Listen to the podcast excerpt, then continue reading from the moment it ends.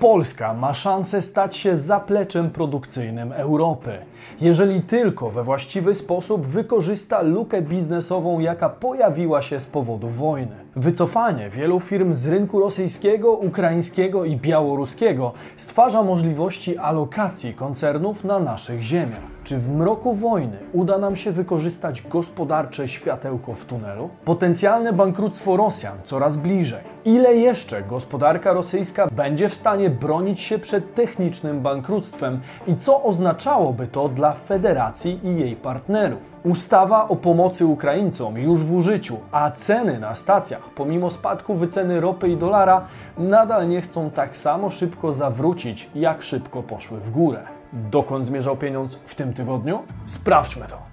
Bizweek. Cotygodniowy przegląd świata biznesu i finansów. Cześć, tutaj Damian Olszewski i witam Was serdecznie w programie Praktycznie o pieniądzach i informacyjnej serii Bizweek, gdzie serwujemy najważniejsze informacje ze świata biznesu i finansów. Warto subskrybować kanał, jeżeli jeszcze tego nie zrobiliście, aby co tydzień wiedzieć, co i dlaczego dzieje się w naszych portfelach. Czas to pieniądz, więc Zaczynajmy. Ustawa o pomocy Ukraińcom. Co oferujemy uchodźcom? 12 marca 2022 roku w Dzienniku Ustaw została opublikowana ustawa o pomocy obywatelom Ukrainy w związku z konfliktem zbrojnym na terytorium tego państwa. Tym samym weszła w życie, a jej przepisy obowiązują z mocą wsteczną od 24 lutego 2022 roku. Nowe przepisy dotyczą przede wszystkim legalizacji pobytu w Polsce Ukraińców, którzy schronili się u nas przed wojną.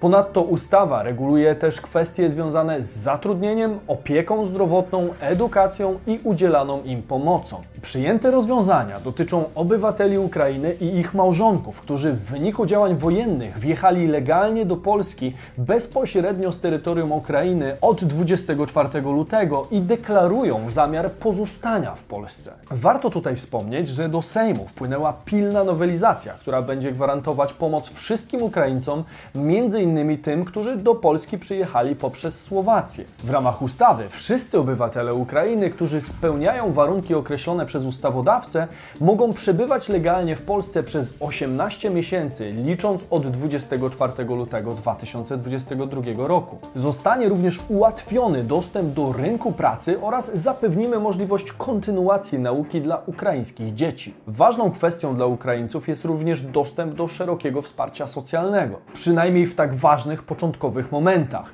Uchodźcy będą mogli starać się o wypłatę środków z programów 500, Dobry Start, Rodzinny Kapitał Opiekuńczy oraz o dofinansowanie pobytu w żłobku w czasie ich pobytu z dziećmi w Polsce. Oprócz pieniężnych świadczeń, Ukraińcy mogą liczyć na pomoc społeczną w zakresie niepieniężnych świadczeń, jak m.in. zapewnienie tymczasowego mieszkania, żywności czy odzieży. Ponadto osoby, które zapewniły zakwaterowanie i wyżywienie obywatelom Ukrainy, mogą zgłosić się o świadczenie wynoszące 40 zł dziennie za osobę. Wnioski o przyznanie świadczenia należy złożyć w urzędzie gminy. Wiem, co uważacie i po części macie rację. To brzmi jak poważne obciążenia budżetowe i patrząc przyszłościowo, wszystkie te ułatwienia dla uchodźców będą prowadziły do tarć społecznych. Temat jest nadal kontrowersyjny, ponieważ suche spojrzenie na fakty i liczby w tej sytuacji jednoznacznie kojarzy się z bezdusznością albo brakiem współczucia dla osób pokrzywdzonych przez wojnę. To jednak zupełnie nie o to chodzi. Powinniśmy pomóc tym ludziom i absolutnie nie ma co do tego żadnej wątpliwości.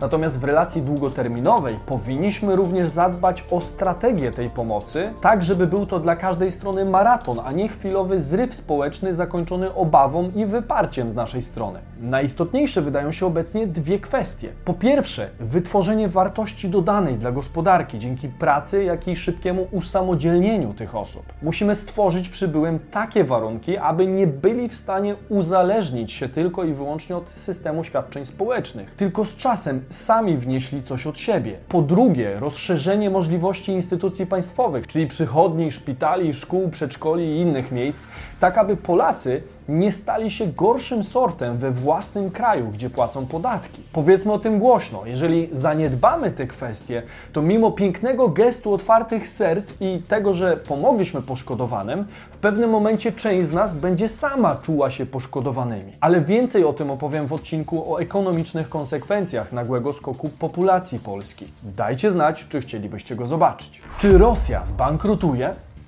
Ogromne sankcje gospodarcze, bardzo wysokie koszty prowadzenia wojny oraz wycofanie się wielu przedsiębiorstw powoduje horrendalne straty Rosjan. Według informacji Reutersa, Carmen Reinhardt, główna ekonomistka Banku Światowego, ocenia, że zarówno Rosja, jak i Białoruś zbliżają się szybko do krawędzi bankructwa. Oba kraje zbliżają się do obszaru niewypłacalności. Nie są jeszcze oceniane przez agencje ratingowe jako niewypłacalne, ale są bardzo blisko tego, powiedziała Reinhardt. Niedawno agencja Fitch obniżyła ocenę kredytową Rosji o 6 stopni w kierunku poziomu śmieciowego z poziomu B do C twierdząc, że bankructwo jest nieuchronne, ponieważ sankcje i ograniczenia handlowe osłabiły wydolność do obsługi zadłużenia. Jak sytuacja wygląda aktualnie i czy bankructwo Rosji jest faktycznie bliskie? Według środowych informacji Financial Times, rosyjski resort finansów utrzymuje, że spłaca odsetki swoich obligacji dolarowych. Jednak przyznaje, że nie może zagwarantować, iż gotówka dotrze do inwestorów.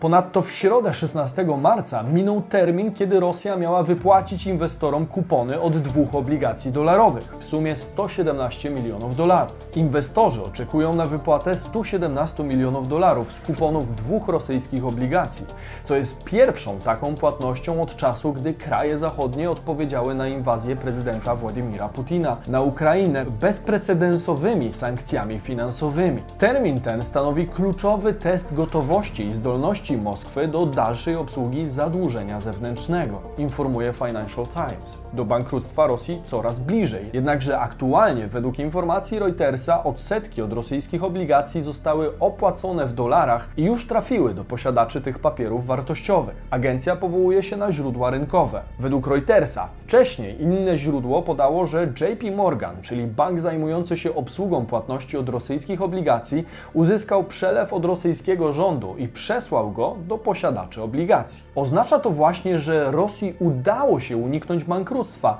Natomiast niewykluczona jest taka sytuacja w przyszłości. Mówimy konkretnie o bankructwie technicznym. W przyszłości mieliśmy z tym już do czynienia, a cytując Financial Times, ostatnie bankructwo Rosji w 1998 roku wywołało kryzys finansowy i doprowadziło do niemal całkowitego upadku amerykańskiego funduszu hedgingowego Long Term Capital Management. To bankructwo było spowodowane zadłużeniami zagranicznymi, jakie Rosja przejęła po upadku ZSRR. Natomiast jednak Rosja tylko raz w swojej historii całkowicie nie spłaciła długu zagranicznego. Było to pokłosiem rewolucji bolszewickiej i miało miejsce dokładnie w 1918 roku, kiedy to komuniści anulowali długi zaciągnięte za czasów cara. Czy historia zatoczy koło? Pomimo powszechnych spekulacji na ten temat, warto jednak podejść do niego bez zbędnych emocji i z chłodną głową. A wtedy dojdziemy do wniosku, że bankructwo Rosji, pomimo wielu zapowiedzi, nie jest raczej realne. Natomiast obecna sytuacja geopolityczna nauczyła nas, że otaczająca rzeczywistość potrafi mocno zaskakiwać. Także żadnego scenariusza nie da się wykluczyć. Gdyby tak się wydarzyło,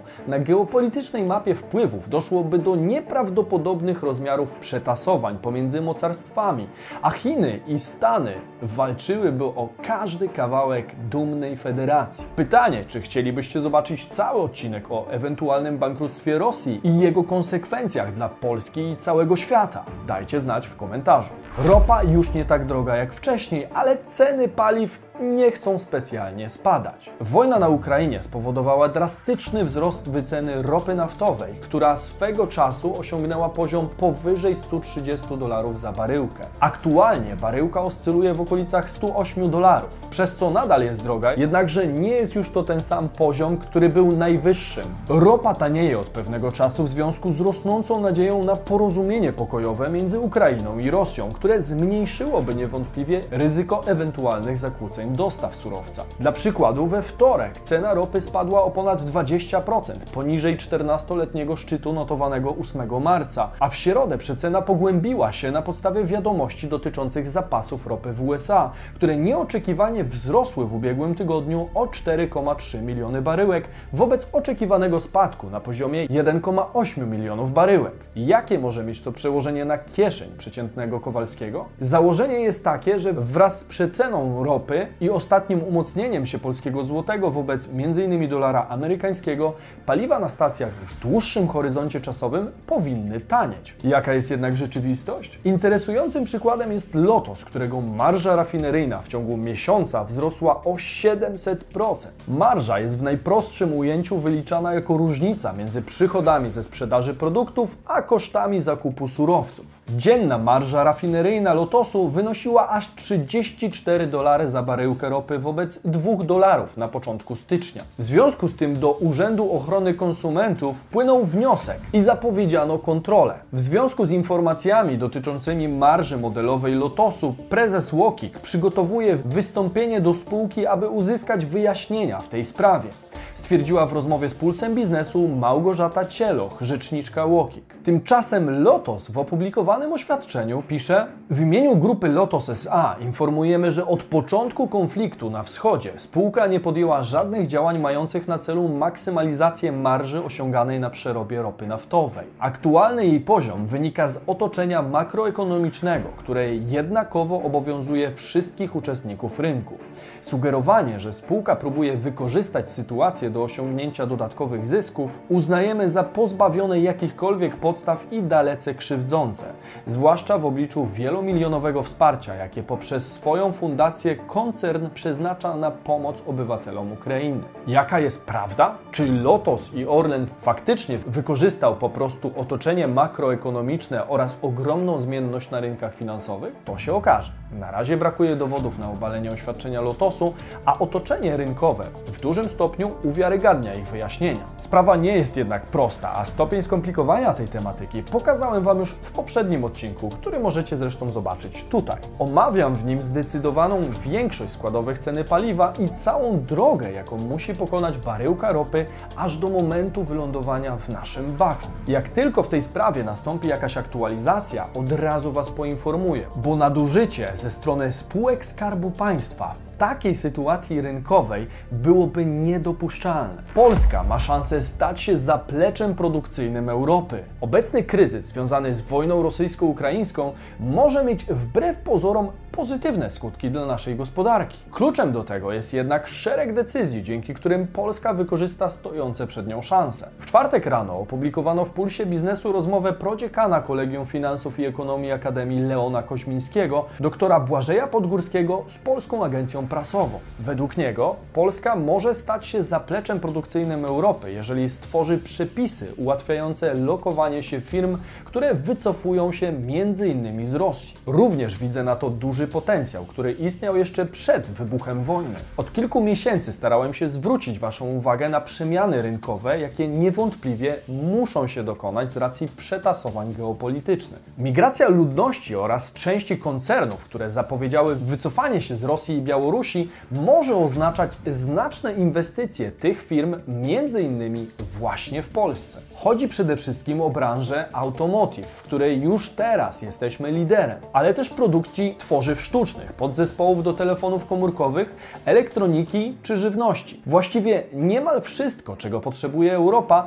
może być produkowane w Polsce powiedział dziekan Akademii Leona Koźmińskiego. Warto wskazać, że decyzję o opuszczeniu Rosji podjęły już m.in. IKEA, McDonald's, Starbucks, Pepsi, Volkswagen, Audi, Apple, Amazon czy Boeing. Liczba takich firm stale rośnie, a dodając do tego wprowadzone sankcje, ewidentnie można spodziewać się zapaści ekonomicznej Rosji. W związku z tym Polska musi wykorzystać wszelkie szanse rynkowe, które pojawiły się na skutek wojny. Najważniejsze będzie stworzenie przepisów ułatwiających lokowanie w Polsce firm, które wycofują się obecnie z rynku rosyjskiego i białoruskiego. Ustawodawca musi przyczynić się do wzmocnienia polskiej gospodarki, która w dłuższej perspektywie powinna skorzystać na wielkich przetasowaniach gospodarczych wynikających z sankcji. Pojawiają się tutaj również głosy negatywne, mówiące o tym, że Polska stanie się w ten sposób montownią Europy, czy też, jak to często się mówi, Indiami Europy. Po części jest to prawda, jednakże w dłuższej perspektywie może być to dla nas korzystne. W ten sposób swoją siłę gospodarczą zbudowała m.in. Korea Południowa czy Chiny. Polska powinna skorzystać z tej szansy i w maksymalny możliwy sposób ułatwić zagranicznym podmiotom przenoszenie produkcji z Rosji i Białorusi do Polski. Ponadto należałoby stworzyć długoterminową strategię w kontekście zostania zarówno hubem produkcyjnym, jak i logistycznym z uwagi na nasze kluczowe położenie na kontynencie oraz coraz wyższą świadomość firm na temat ważności ciągłości łańcuchów dostaw. Widzę w tym znaczące światełko w tunelu dla polskiej gospodarki. Nasuwa się jednak pytanie, czy wykorzystamy tę okazję? Dajcie znać, jak uważacie w komentarzu. Mówił Damian Olszewski, a to był Bizweek, wasz cotygodniowy przegląd najważniejszych wydarzeń ze świata biznesu i finansów. Warto subskrybować kanał tutaj, aby wiedzieć, dokąd zmierzał pieniądz. Stałych widzów proszę tradycyjnie o hashtag Bizweek w komentarzu, a my widzimy się w sobotę i niedzielę o 15. Cześć!